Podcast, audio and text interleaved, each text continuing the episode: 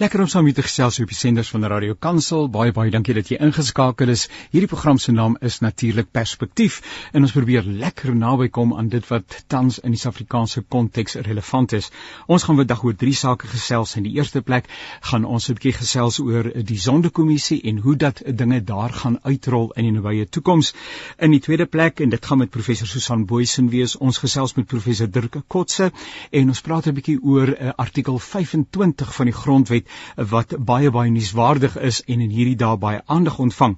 En dan praat ons met Dr Angelique Kutse, sy's die voorsitter van die Suid-Afrikaanse Mediese Vereniging en ons gaan praat oor COVID-19 uh, met besondere verwysing na die spits wat tans hier in Gauteng uh, belewe word. Terwyl ons dan nou praat van COVID-19, ons trek nou by dag 454 van inperking. Tans is ons by vlak 3 van inperking. In die wandelgange word daar gesuggereer, word daar gepraat, word daar gewonder of ons in die besonder dalk hier in Gauteng uh weer onsself in uh vlak 5 of op vlak 5 gaan bevind in die nabye toekoms uh, uh terwyl soveel mense geïnfekteer word en dan natuurlik ook talle sterftes is en hospitale tot kapasiteit vervul is en gevul is.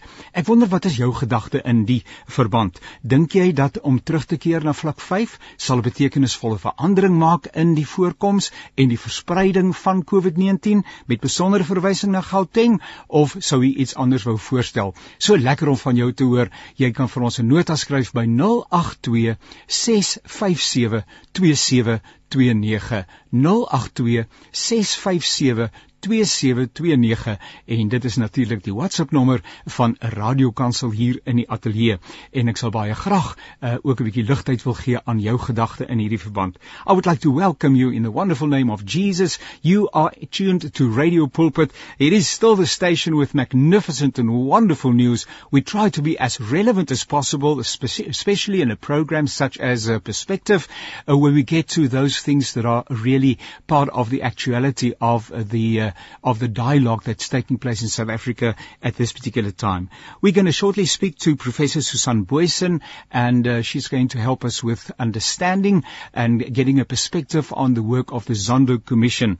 Uh, then Professor Dirk Kotze, and he's going to help us to understand something about the emendation, uh, the thoughts regarding uh, Article 25 of the uh, of South Africa's law and how that uh, speaks to the nation and the needs of the nation and and a lot of pressure that people are experiencing at this time with regard to uh, Article 25. And then Dr. Angelique Kutsia, and she's going to speak about uh, COVID-19 and especially what's happening in Gauteng and what we should expect and how we can make a positive contribution to stop this virus or whatever the case may be. We would love to hear from you. Uh, this is day 454 uh, uh, that we have had uh, the, the, the state where we are not able to move around freely, we are masked, we have to keep social distancing, etc., etc. And uh, it seems like uh, people are talking about, I'm not saying this as a fact, but I read it and I hear gossip in this regard that we might be going back to uh, to uh, uh, level 5 uh, of what we're experiencing at the moment in South Africa or then in Gauteng. I was wondering whether you think that is the right move. Should we go there or are there alternatives. Would love to hear from you. 082 657 2729. That is our number here in the studio, our WhatsApp number, and a short note from you would be just wonderful. My voorreg om dit te gesels met uh, professor Susan Boysen en sy 'n politieke ontleder en ook skrywer. Haar jongste werk is Precarious Power, Compliance and Discontent under Ramaphosa's ANC. Goeiemôre professor Susan, gaan dit goed met u? Goeiemôre Janie, baie goed, dankie. dankie. En ons vertrou dat u gesond bly en ons bid dit vir mekaar uh dat ons uh, regtig uh wat hierdie saak betref uh, ook uh, aan die gesonde kant sal bly. Nietemin, ek wil baie graag bietjie met u gesels oor die Sondekommissie en wat die huidige stand van sake is. Uh ek uh, weet dat die Sondekommissie nie sy werksaamhede kon afhandel. Die aanvanklike 18 maande is lankal uh reeds agter ons en het nou gevra as ek dit reg het tot aan die einde van September omdat daar nog sekere getuienisse wat uh, aangehoor moes word onder andere die van die staatspresident as president van uh, Suid-Afrika.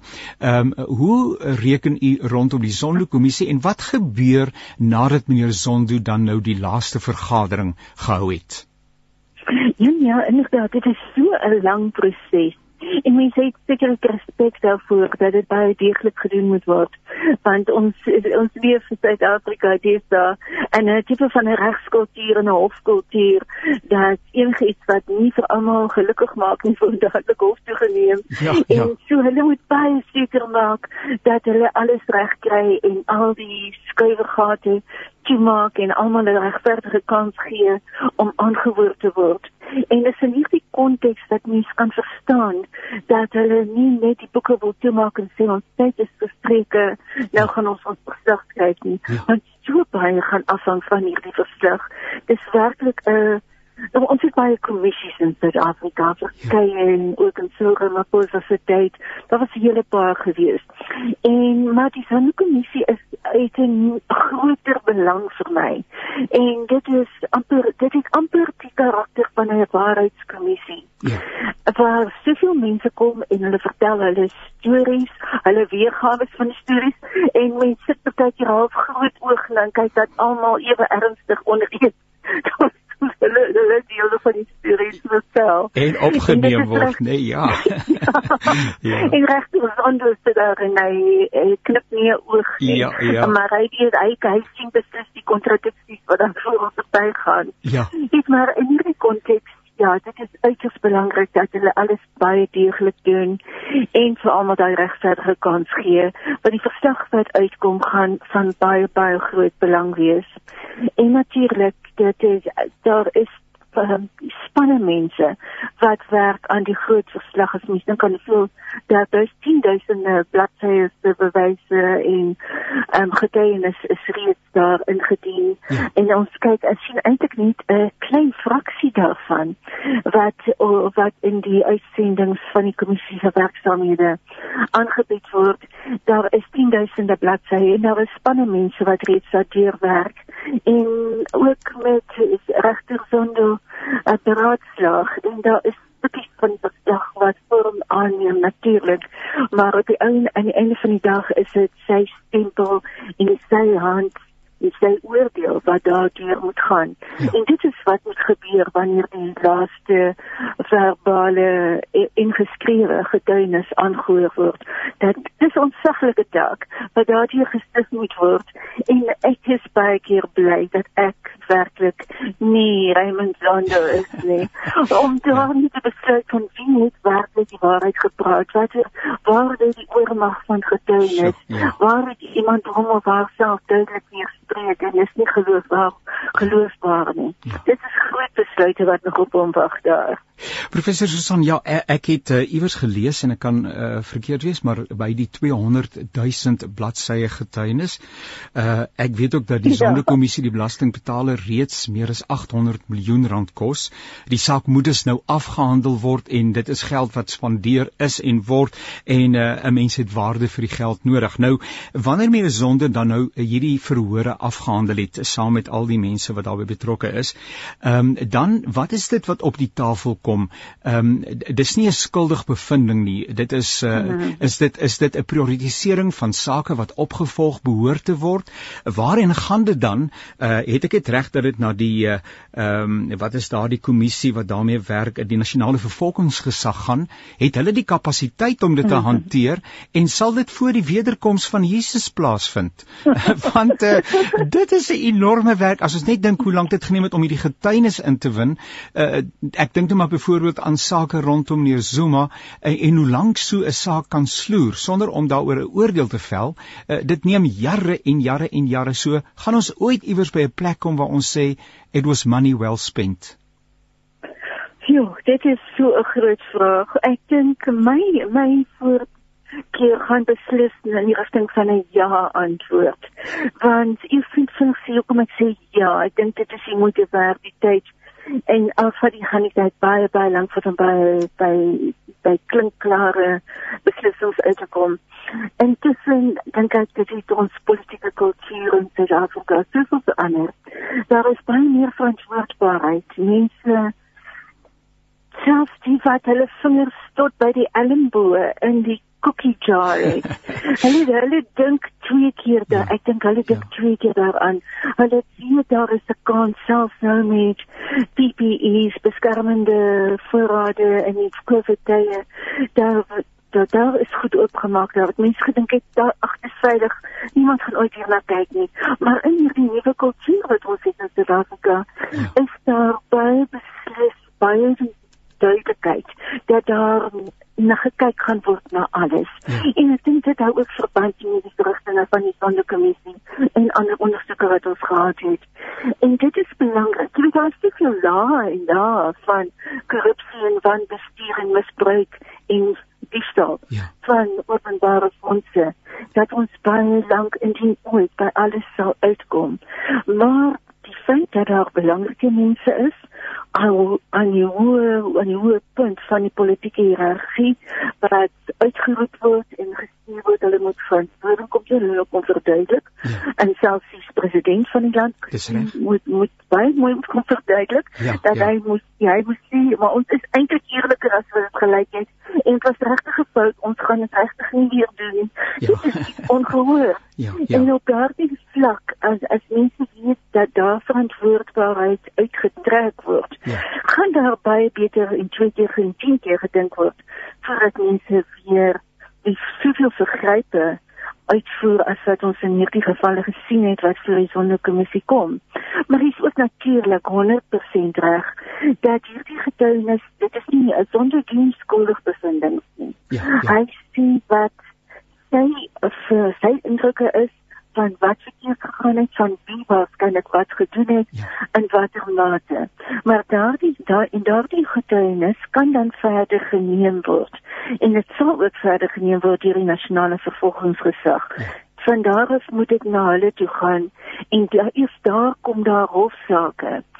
En ja, ons weet hoe dit met hofsaake gaan. Ja, ja. 20 omtrent 20 jaar nadat Jacob Zuma voormalige president ja.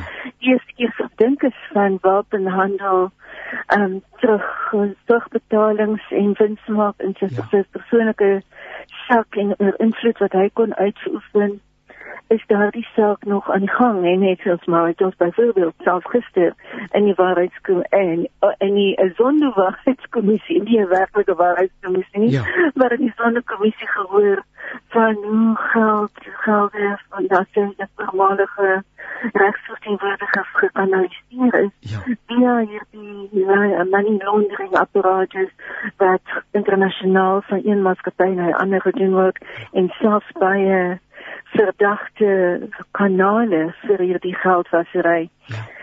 gebruik is om sy um, sy voormalige regsverantwoordiges van hulle te betaal. So dit kom daar kom baie deurlopend kom hier relevante aspekte uit van hoe hierdie regsprosesse werklik verloop het.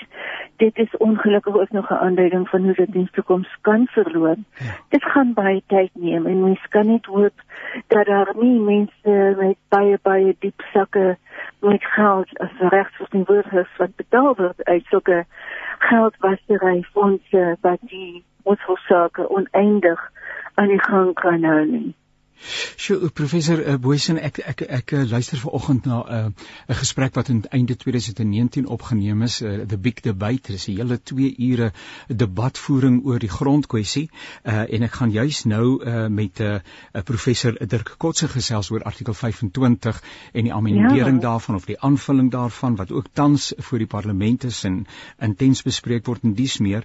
Maar in daardie spesifieke vergadering, nou ja, dit was 'n bietjie stormagtig geweest. Daar's nie baie daar's nie baie dissipline nie, maar die hartseer en die pyn van grondvlak mense wat doodgewoon van dag tot dag nie kan oorleef nie, uh, het op die uit op die tafel gekom en wat die onreg aan eie lyf voel en alles wat daarmee verband hou.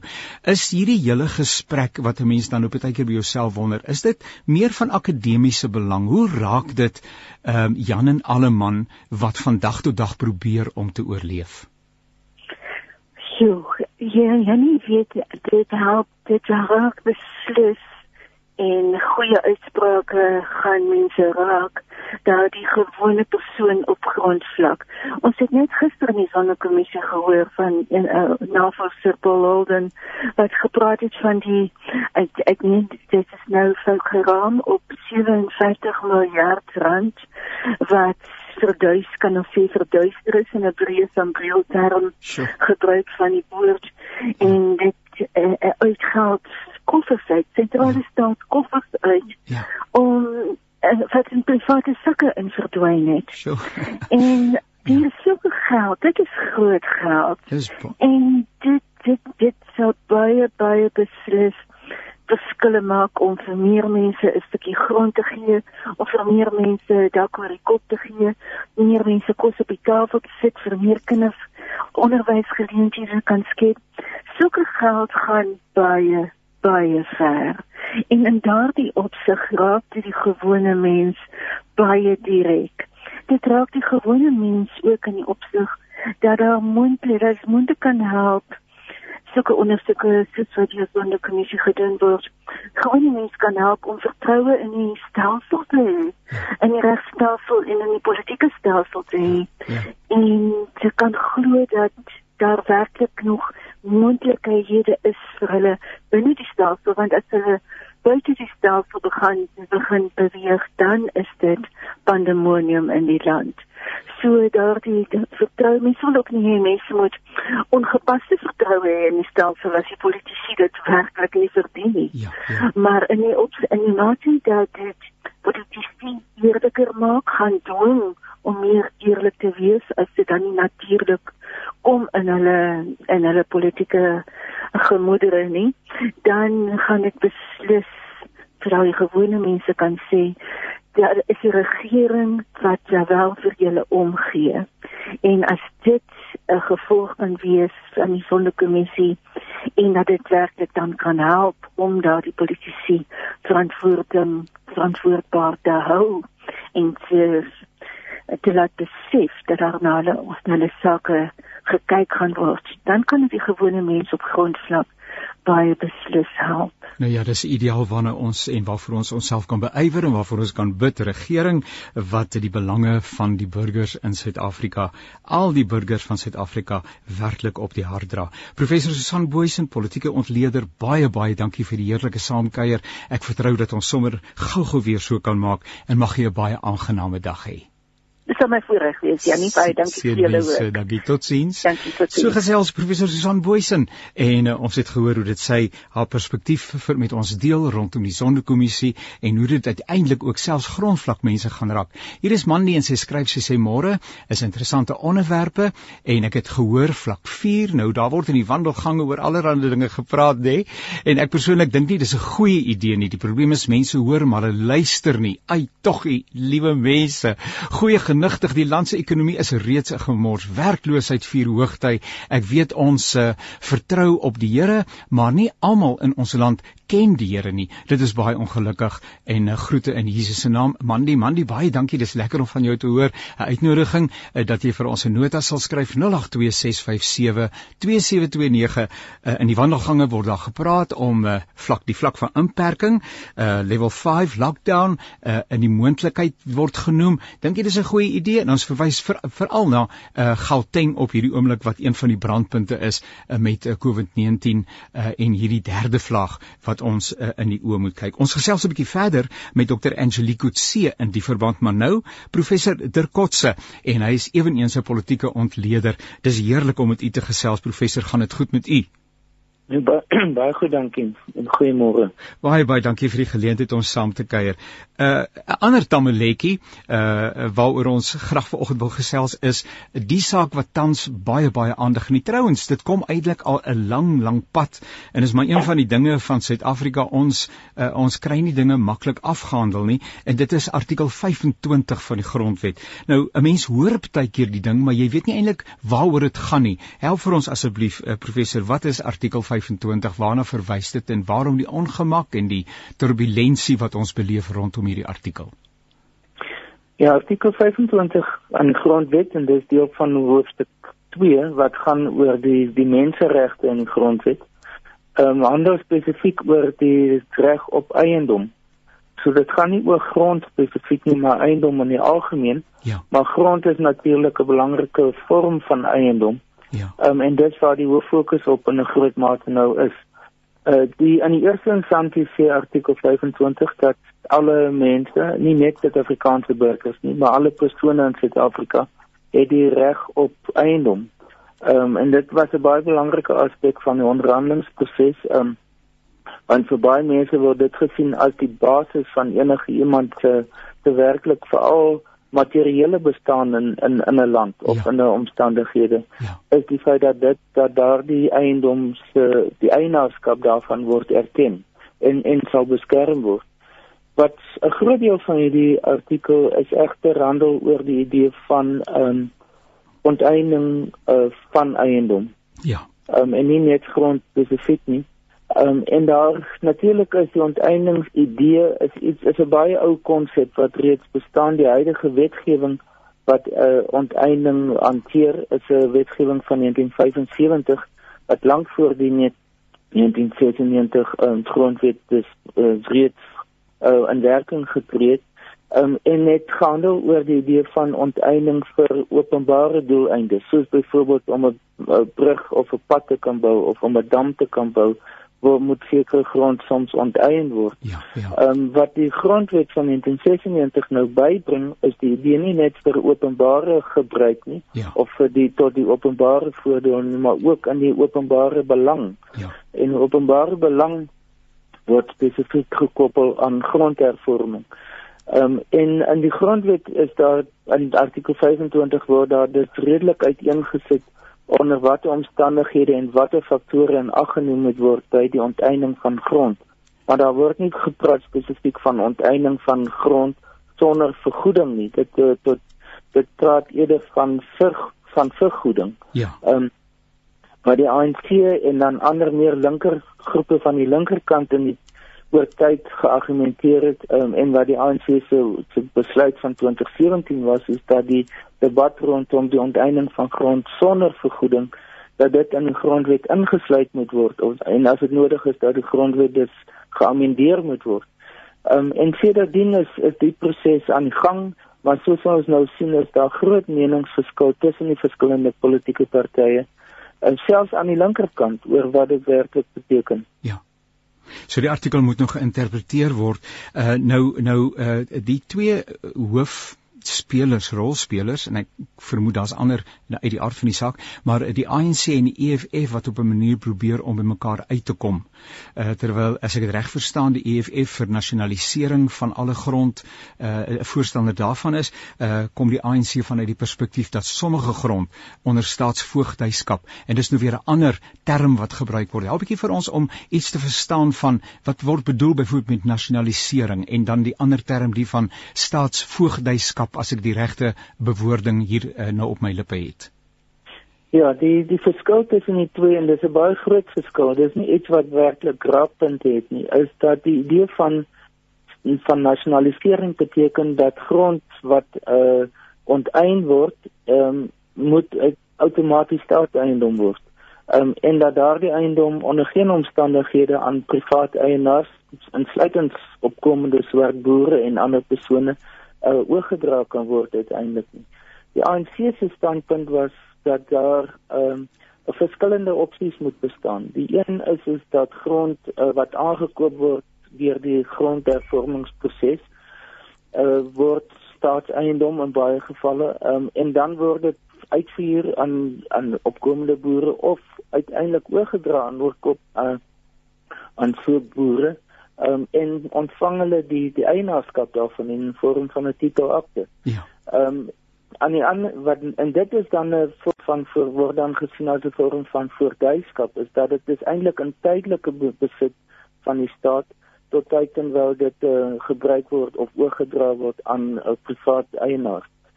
So die idee van staatsvoorduyskap is is reeds wat die huidige situasie is. Dis dis nie 'n nuwe voorstel nie van die ANC se kant af nie. Um, ek dink waar die verskil is is dat uh, sommige mense meen dat alle nuwe grond wat aangekoop word of verkry word deur die staat outomaties in staatsvoogdyskap moet gaan en nooit moet verander na privaat eienaarskap. Ja, ja. Ehm um, so dan kan dit in feite neerkom uiteindelik op permanente staatseienaarskap ja. daarvan.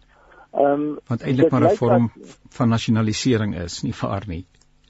Ja, ja, wat ek dink wat die wat die wat die ander groot verskil tussen die twee partye is, is die van oor die die konsep van onteiening sonder vergoeding. Ja vir die EFF is dit uh, word dit beskou as 'n standaard dat alle onteiening moet uh, sonder vergoeding wees. Terwyl vir die ANC is dit een van die opsies. Ehm um, dit kan een wees van totale 'n baie hoë prys betaal vir grond wat uh, deur die proses gaan van van die waardebeoordeling daarvan tot by 0. So van miljoene tot by 0. Ja. En 0 is dan die sogenaamde 0 faktor of die 0 opsie van vergoeding wat dan op so die die ANC se se standpunt is is dat die huidige grondwet soos hy op die oomblik staan eintlik hulle idees akkommodeer. Um en dat as daar sekere mense wil hê dat dit meer meer eksplisiet gestel moet word, dan kan dit lei tot 'n amendement, maar dat die substansie daarvan nie werklik sal verander nie. Terwyl die EFF praat van voorstelle wat radikale veranderings aan die substansie van die grondwet beteken.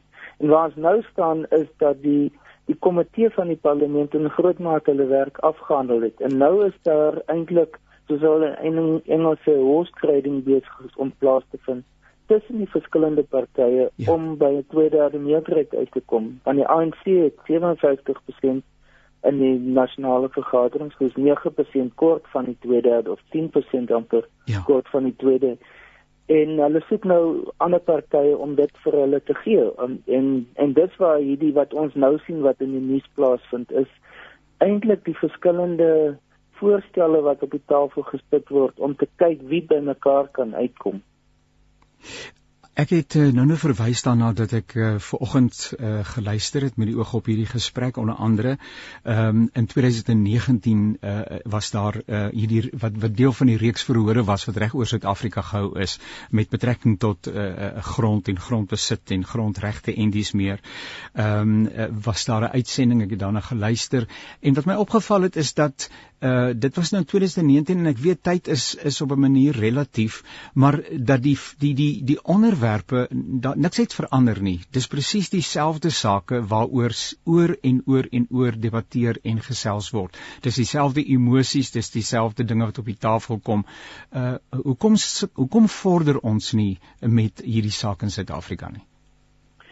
Ek dink om die om na die belange of die die ja, die belange is so uiteenlopend van aard. Ehm um, daar's daar's soveel verskillende verwagtinge rondom grond. Ehm um, en gevestigde belange daar rondom. En die, dit is baie moeilik om 'n middelpunt te bereik, 'n punt waar hierdie verskillende belange geakkommodeer kan word tot 'n groot mate en waar hulle met mekaar eintlik versoen kan word. Ja. Uh, want uh, vir sommige mense is grond is 'n kommoditeit. Dit is iets wat 'n kommersiële waarde het en waar het hulle in 'n beroep kan beoefen en vir ander mense gaan dit oor hulle nie soseer oor om die grond te gebruik nie, maar eerder grond as 'n vorm van 'n historiese identiteit, as 'n vorm van uh waar hulle familie groot geword het ja, en die ja. en die en die band wat daar met grond bestaan.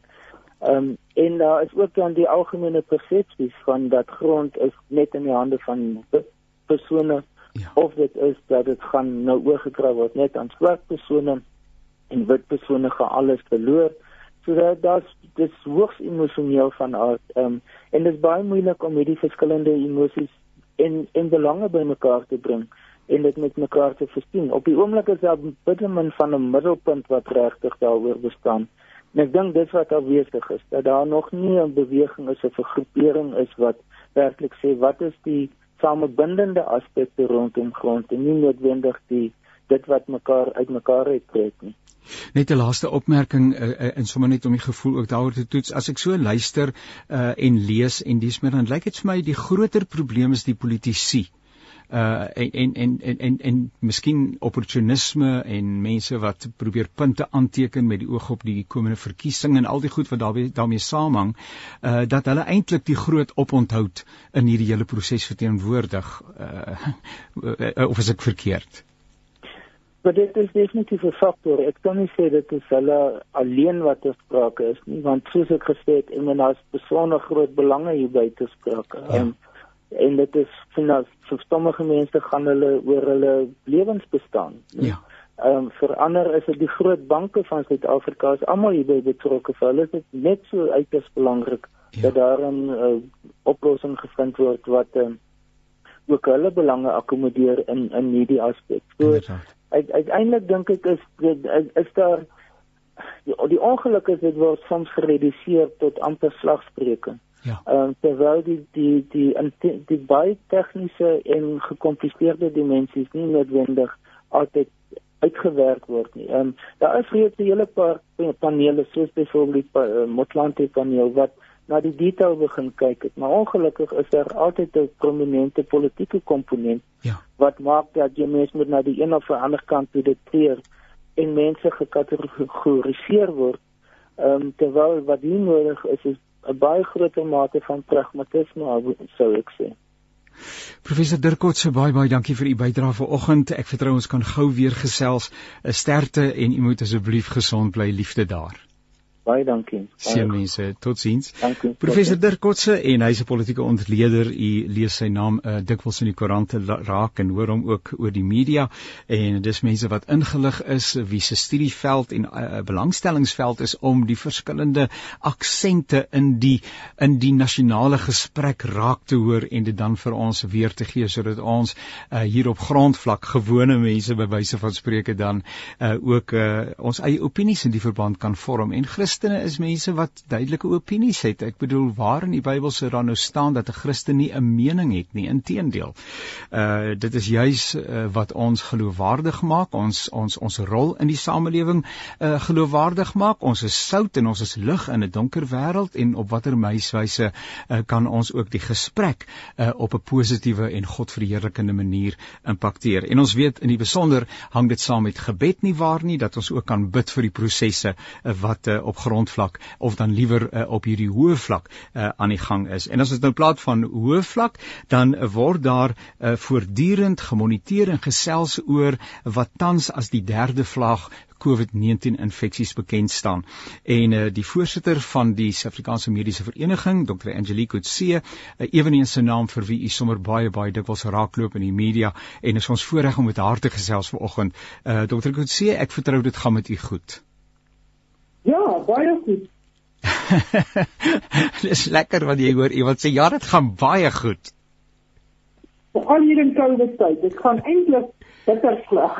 ja, en as 'n mens net as 'n mens gesond is, dan is dit besondere genade, nê, nee, maar dis moeilike dinge hierdie om oor te gesels.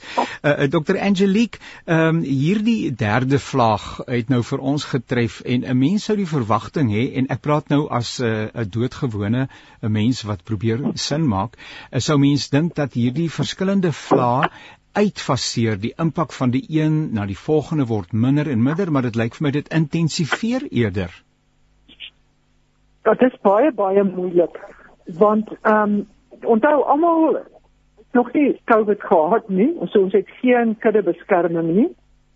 En ehm um, op hierdie stadium soos wat ek sê ons sien griep en verkoue en dan is dit COVID.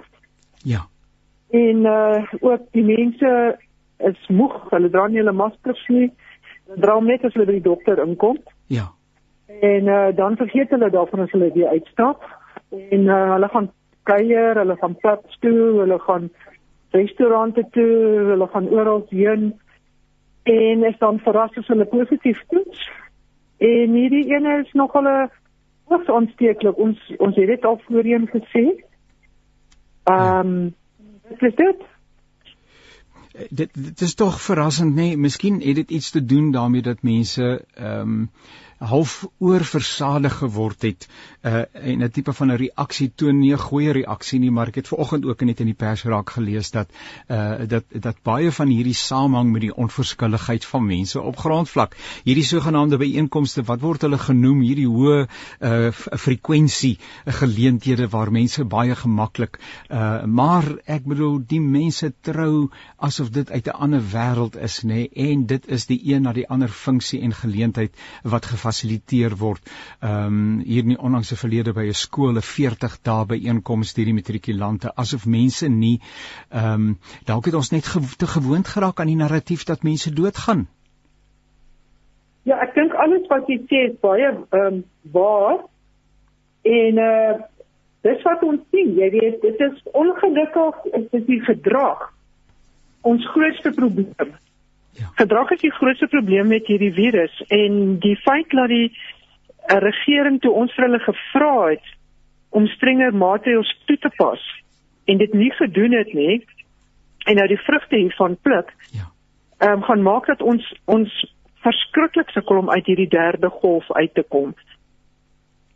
En daar's bykans nie ek moet nou uit my eie persoonlike konteks ook sê dat ehm um, uh, dat daar nie 'n uh, uh, dat daar nie 'n uh, kring is waarbin ek beweeg waarin daar nie mense is wat of gesterf het of dat dan wat dan siek is nie. Dit het baie naby gekom. Nietemin, ek sien dat die Gautengse bevelsraad soos dit bekend staan, vandag samesprekinge voer oor die status uh, van uh, COVID-19 in Gauteng besondere verwysing en uh, oor uh, watter maatreëls getref moet word. Ehm um, ding en ek hoor maar mense praat van vlak 5. Dink jy daar is 'n moontlikheid sou u dit aanbeveel? Wat sou u aanbeveel moet nou gebeur benewens die feit dat uh, mense op grondvlak verantwoordelik moet optree?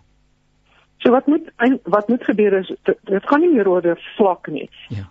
Ehm um, mense wat kan moet by die van die huis al werk. Ja. Soveel as moontlik nie van publieke ehm um, vervoer gebruik maak nie wegbly by enige by binnehuise by einkomste wat meer as 10 mense is. En ja, 10 um, mense met ander eredienste is ook, ekskuus tog eredienste is ook betrokke want dis 50 mense, nee. Gelukkig. Ja. Ongelukkig, jy weet, ja. ehm ja. um, ek het nou nou die dag vir iemand gesê dit gaan klink of ek anti-kerk is. Ja. Maar dit is waar ons dit sien, begrafnisse. Ja. Ons sien dit. Troues, presies wat jy nou nou genoem het. So dis nie goed. Al almal waar daar meer as 10 mense by betrokke is, ja. moet jy van al wegbly. Ehm um, so wat gaan die wat gaan die bevelsraad kan doen? Ek dink nie daar's meer veel wat hulle kan doen nie. Die virus het klaar begin sprei. Jy kan hom nie meer stop nie. Ehm um, jy moes dit gedoen het toe ons jou gewaarsku het. So jy bedoel dit is ehm, nou mos dit na die maal, ons moet hom nou maar deursien. Ons gaan hom deursien. Ja. Ons het uh vrede daarmee gemaak dat ons dit gaan doen. Dit maak nie saak wat hulle nou bring. Jy kan nie die grense mee toemaak nie jy kan nie jy kan nie strenger maatreëls in Gauteng wil afbring nie. Jy kan dan nie eers kyk dat die mense hulle maskers dra nie. Ja. Nou hoe gaan jy nou strenger maatreëls inbring? Ehm um, nou ja, en die skole is ook oop uh en ek het gesien dat uh, ons minister van onderwys het gesê die skole sluit nie. Uh maar dis ja. ewenigs uh en 'n mens besef dit die belange van die verskillende partye, samelewingsverbande, sake wat gebalanseer moet word as 'n mens dink aan die ekonomie. Ek het gesien vanoggend se pers is daar ook uh uh, uh netwerk 24 word gepraat oor die die impak weer eens wat byvoorbeeld 'n vlak 5 beperking op die drankbedryf sal hê. Uh en en nou gaan dit nie net oor die wins en die verlies nie, maar dit gaan oor lewens ehm um, inkomste, inkomste vir mense wat weer hulle werk verloor. So dit is 'n dis 'n dit is 'n moeilike ding om te bestuur hierdie. So as mens net reg in die begin, toe ons vir hulle gesê het of vir ons by die regering gewaarsku het. Ja. Toe ehm um, 10 dae, 14 dae streng net ingepreek het mense soveel as moontlik by die huise laat bly het het ons nie gesit waarmee ons nou sit nie. Hoe in dese op dese aarde kry jy dit reg dat jy vir mense sê jy kan ehm um, oor naweke gaan drink in in kroë en in taverns? Ja. Ehm um, waar ook al maar waar al, alle mense bymekaar kom, maar jy maar, maar weet jy wat, ons gaan nie laat jy alkohol koop en dit by jou huis drink waar jy veilig is nie. ja. Jy weet dis hierdie tipe goed wat net geen sin maak nie. Ja. En nou sit ons hier met die ander ding wat vir ons 'n groot probleem is, is die weermaglede wat hulle nou ontplooi het by ehm um, Paraguana Hospitaal. Ja. As daai ouens nie geïmmuniseer is nie, dan gaan ons met 'n volgende probleem sit want hulle gaan geïnfekteer word. Ek dink nie die mense besef hoe vinnig spreidend hierdie virus is nie. En hoe gevaarlik dit is nie, nê? Nee lewensbedreigend. Ja, presies. Nou nou ehm um, jy het nou gepraat van immunisering. Dis nou een ding en weer eens ek het nie al die inligting u beweeg in daardie kringe in dies meer. Maar ehm um, ons byvoorbeeld wat nou ouer as 60 is, het nou ons eerste ehm um, Pfizer inspuiting gekry. Die sou, as ek dit reg verstaan, tussen so 3 weke of so sou die tweede toegedien word.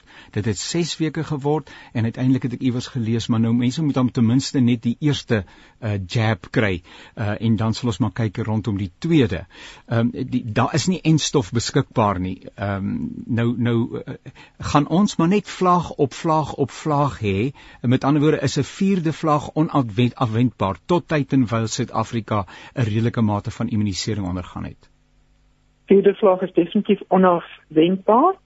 En ons sien klaar wanneer dit gaan gebeur einde November, Desember. Ja. So daai is 'n given. Ons moet nie eers meer daaroor te debatteer nie. Ten opsigte van die immunisering, as jy jou ehm um, Pfizer vaksinne gekry het, vat dit omtrent 30 dae voordat jou immuunstelsel begin inskop maar jou optimale ehm um, beskerming kry jy 2 weke na jou tweede dosis. Ja. En as jy dit nie gaan vat nie, van jy van jy nie optimale beskerming kry teenoor erge COVID-19 nie. Jy gaan nog steeds COVID-19 kan kry, maar dan in die matige ja. tot ligte vorm.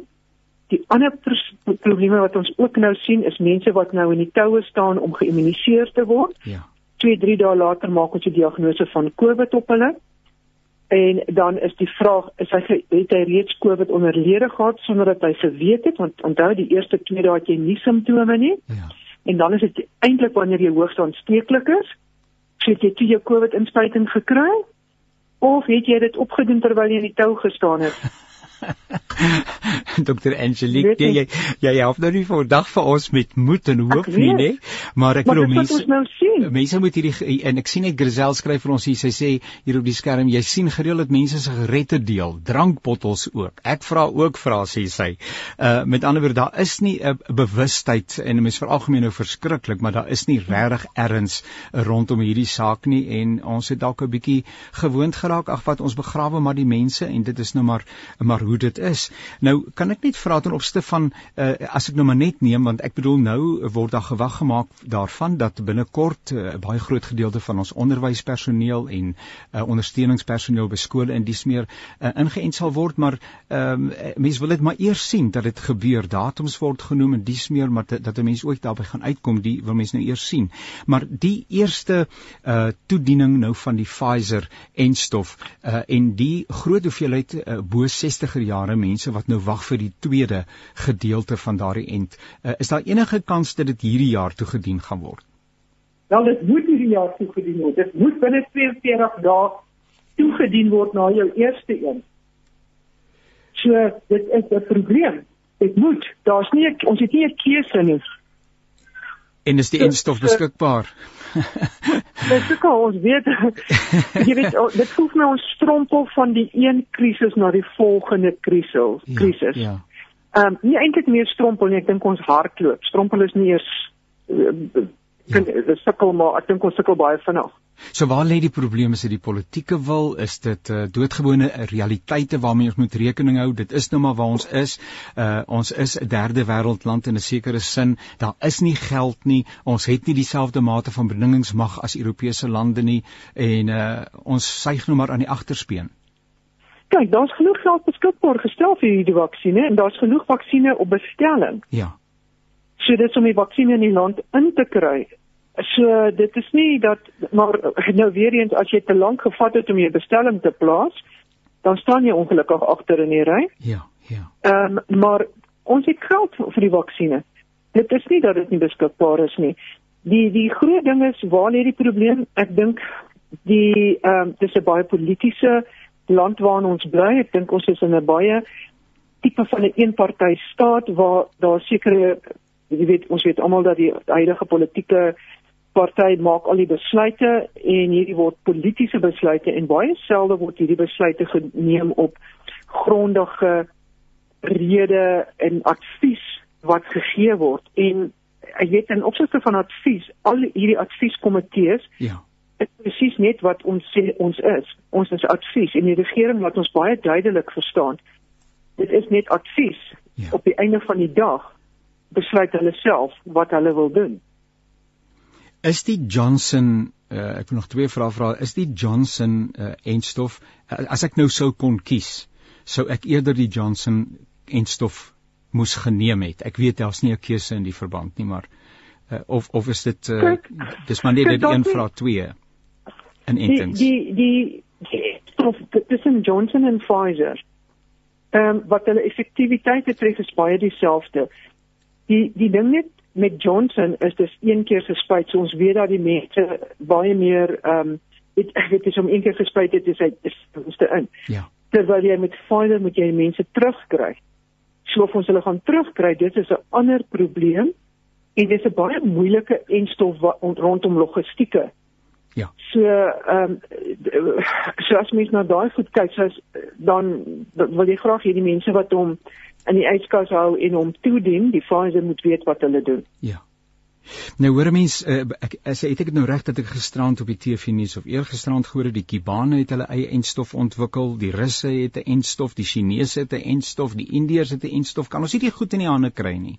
Benewens dan nou die die twee name waarmee ons uh, uh, uh, uh, uh, en AstraZeneca lyk like dit my op die oomblik is 'n bietjie ongeloofwaardig. Ek weet nie presies wat die status van daardie enstof is nie, maar ons weet nou maar van Pfizer en Johnson en AstraZeneca. Okay, so op hierdie stadium is dit belangrik om te weet dat die die Russiese enstof het nog nie al die bewyse nie en ons kan hom nie goedkeur nie. Ja. Die die ehm um, Indiese enstowwe is hulle ook besig om te kyk na of daar genoeg data is teenoor die Suid-Afrikaanse variant. Hulle is 'n bietjie verder al as wat Sputnik is. Maar die enstowwe wat vir ons land sal werk is Moderna en ehm um, ek ek praat om korreksie, ja. ek dink dit is Sinovac. Ehm um, uh, of Sinopharm, ek is ek is daar ja. nie heeltemal reg met my met my naam nie. Maar dis die die probleem is Moderna het nie aansoek gedoen in Suid-Afrika nie en die ander een ook nie. En Moderna is nog duurder as Johnson of as, as Pfizer. So ehm um, op hierdie stadium is dit net hierdie twee wat genoeg data het. Ja. Uh, Dr Angelique, dis altyd lekker om u te gesels. Uh, u, u beweeg baie baie naby aan hierdie dinge. Ehm um, dalk 'n uh, boodskap vir ons luisteraars. Uh, dis nou waar ons is. Uh, en so wat maak ons nou? Uh, uh, want ek bedoel ek is nie die regering nie. Ek het nie toegang tot onderhandelinge en dies meer nie. Uh, ja. Wat kan ek as individu doen om uh, my bydrae te lewer om hierdie virus aan bande te lê? As jy bo 60 is, van vat die inspuiting. Maar as jy daar kom en dis 'n lang tou en jy sien daar's nie goeie ventilasie nie, draai om en vra wanneer is hulle minder besig en gaan terug wanneer daar nie 'n tou is nie. So dis my eerste raad daar. Ja. My tweede raad is bly by die huis. dit klink nie sleg nie. Ja. dis wat, ja. Dis ja. dit is. En, ja. en werkgewers moet asseblief begin weer hulle mense toelaat om van die huis af te werk die wat kan. Ja, ja. Ehm um, en dan die mense wat van die huis af werk. Ja. Maak seker die werk van die huis af. Ja. Want ons sien ook dat mense dink dit is 'n tipe van 'n vakansie ja. om van die huis af te werk. Ek net die laaste ek is nou in die versoeking net om te vra want u self 'n medikus en uh, het 'n praktyk in dies meer, maar nou as iemand nou byvoorbeeld toets, ek vra net, hy toets nou en hy toets positief vir COVID-19, dan moet hy tog nou 'n voorskrif kry. So hy moet nou dokter toe gaan. So nou ja, sit daar iemand in die dokter se spreekkamer wat eweneens reeds geïnfekteer is. Nou nou wat nou watter kans het jy nou? 1.5 meter. 1.5 meter van mekaar af. Ja. Geen familielede, net pasiënte word toegelaat in die spreekkamers en as jou dokter sit en dit met julle hulle aanspreek. Ja. Alle vensters oop. Dit is 'n vrieskaste binne in die spreekkamers en daarmee bly ons veilig gaan die somer verligting bring of het hierdie nee. hierdie saak niks met met uh, niks met seisoene te doen nie. Niks niks. en en hoe kom dit koud is binne in die spreekkamers is omdat alles oop staan want jy soek natuurlike beweging ses siklusse per uur vir die virus weg uit die uit die, uit die um, gebou uit maar hoe meer lugversorgers jy aansit en hoe meer jy die vensters toemaak hoe meer broei almal. 'n Groter probleem is dit. Dr. Ja. Angelique, ek weet dat uh, u 'n groot verantwoordelikheid het ook in die verband en dat u stem ook gehoor word. Baie sterkte. U moet jouself oppas en gesond bly asseblief. En baie dankie dat u vir ons so 'n bietjie 'n uh, raad en moed en uh, ook inligting gee waarmee ons uh, verantwoordelike besluite kan maak. Waardeer. Hm? Dankie, dis net 'n plesier en ek vra regtig vir die mense bly by julle huise. En vir julle wat kinders het, moenie laat hulle gaan partytjies hou oor naweke of Ai, oorslaap nie. Tog, tog, baie dankie dat jy dit net weer uh, vir mense in die hart uh, lê. Groete en 'n mooi dag. Baie dankie. Dankie. Tot sien. So gesels Dr. Angelique Kutse en sy is die voorsitter van die Suid-Afrikaanse Mediese Vereniging. Dis 'n dame wat weet. Uh sy's 'n wetenskaplike in eie reg en uh, 'n uh, mens kan maar hoor en glo uh wat sy met ons deel. Baie baie dankie dat julle ingeskakel was vandag. Dit was heerlik om saam te gesels. Ek persoonlik het die gesprek baie geniet. Ja, dit is ook so dat dit ou in die hart gryp en uh dat 'n mens dit alles kan knoop in die gebed. Ek kan sê Here, U weet dis waar ons nou is en ons het vir U baie baie nodig. Ons kan sonder u niks doen nie. En so uh professor Susan Boysen wat 'n bietjie gesels het oor die sondekommissie en sy werksaamhede. Uh professor Dirkotse wat gesels het oor artikel 25 wat tans in die branding is en uh, verskillende stemme in die verband rondom 'n land en grondbesit en grondhervorming en restituisie en allerlei sulke terminologie wat gebruik word. En Dr Angelique Kutse wat gesels het oor hierdie derde vlaag uh wat tans met ons is en wat regtig verwoesting saai en uh, ons ons uh, ons hou mekaar vas uh, en ons neem verantwoordelikheid vir mekaar. Uh, op die wyse verheer ons ook die Here en kom sy koninkryk. Dankie vir Woesie wat vir my gehelp het hier om dinge op die lig te hou en 'n uh, seënwense vir jou. Volgende week is die Here se wil daarby is kuier ons weer saam. Onthou naweek aktueel op 'n Sondag om 1uur waar ons verder oor aktualiteite gesels.